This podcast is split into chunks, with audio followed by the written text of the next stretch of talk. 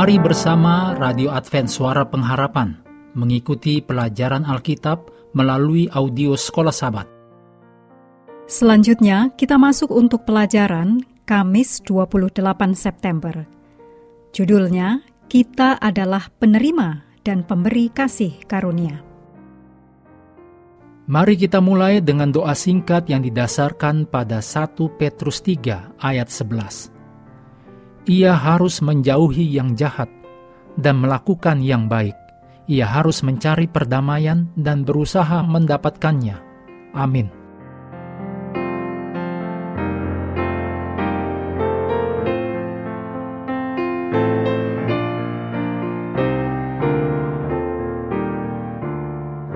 Sewaktu membaca kembali Efesus 5, renungkanlah bagaimana Paulus meminta kita untuk menghidupkan Injil di dalam hubungan kita dengan orang lain.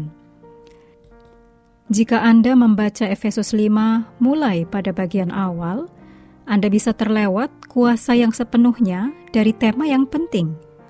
Jadi mulailah dengan Efesus 4 ayat 32, di mana Paulus mengatakan kepada orang-orang Efesus untuk ramah seorang terhadap yang lain, penuh kasih mesra dan saling mengampuni.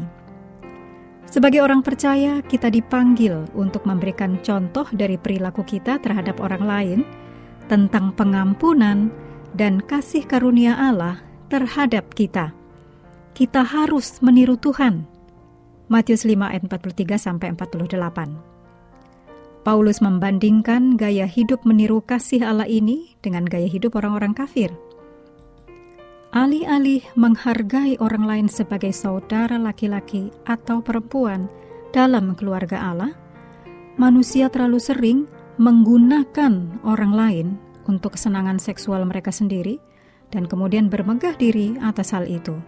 Efesus 5 ayat 3 dan 4. Paulus memperingatkan bahwa pendekatan seperti itu tidak mempunyai masa depan di dunia baru yang sedang Allah rencanakan. Efesus 5 ayat 5 sampai 7. Sebaliknya, orang percaya harus berpaling dari kegelapan masa lalu mereka dan hidup seperti anak-anak terang.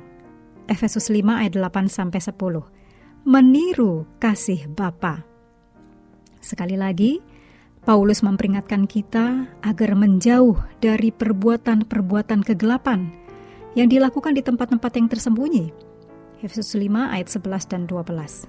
Sebaliknya, kita harus hidup dalam terang Kristus. Efesus 5 ayat 13 dan 14. Daripada menyia-nyiakan hidup kita dalam kemabukan, kita harus menebus waktu dengan mengucapkan terima kasih kepada Allah atas kasihnya Efesus 5 ayat 15 sampai 21. Paulus memperluas temanya tentang meniru kasih Allah saat ia menasihati suami dan istri Kristen. Kasih Kristus yang mengorbankan diri bagi gereja menjadi teladan bagi suami-suami Kristen. Efesus 5 ayat 25 sampai 33. Sementara kesetiaan gereja kepada Kristus menjadi teladan bagi istri-istri Kristen. Efesus 5 ayat 22 sampai 24. Daripada menggunakan karunia seksualitas manusia dengan cara yang tidak bermoral dan egois, suami dan istri Kristen berfokus untuk saling menghargai satu sama lain menjadi satu daging. Efesus 5 ayat 28 sampai 33. Jadilah peniru Allah seperti anak-anak yang kekasih. Efesus 5 ayat 1. Dengan kasih karunia Allah, kita dipanggil hari ini untuk menghidupkan nasihat itu dalam hubungan kita dengan orang lain. Efesus 5 ayat 2 menuliskan, Dan hiduplah di dalam kasih, sebagaimana Kristus Yesus juga telah mengasihi kamu dan telah menyerahkan dirinya untuk kita sebagai persembahan dan korban yang harum bagi Allah. Ayat ini memberitahu kita untuk berjalan dalam kasih, membantu kita memahami apa yang Paulus maksudkan dalam Efesus 5 ayat 1 tentang menjadi penurut-penurut Allah. Mengakhiri pelajaran hari ini, mari kembali ke ayat hafalan dalam Efesus 2 ayat 8 sampai 10. Sebab karena kasih karunia kamu diselamatkan oleh iman. Itu bukan hasil usahamu, tetapi pemberian Allah. Itu bukan hasil pekerjaanmu. Jangan ada orang yang memegahkan diri, karena kita ini buatan Allah, diciptakan dalam Kristus Yesus untuk melakukan pekerjaan baik yang dipersiapkan Allah sebelumnya.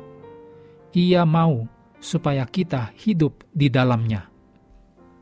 Kami terus mendorong Anda bersekutu dengan Tuhan setiap hari bersama dengan seluruh anggota keluarga, baik melalui renungan harian, pelajaran sekolah sabat, bacaan Alkitab sedunia, percayalah kepada nabi-nabinya yang untuk hari ini melanjutkan dari Mazmur 145. Tuhan memberkati kita semua.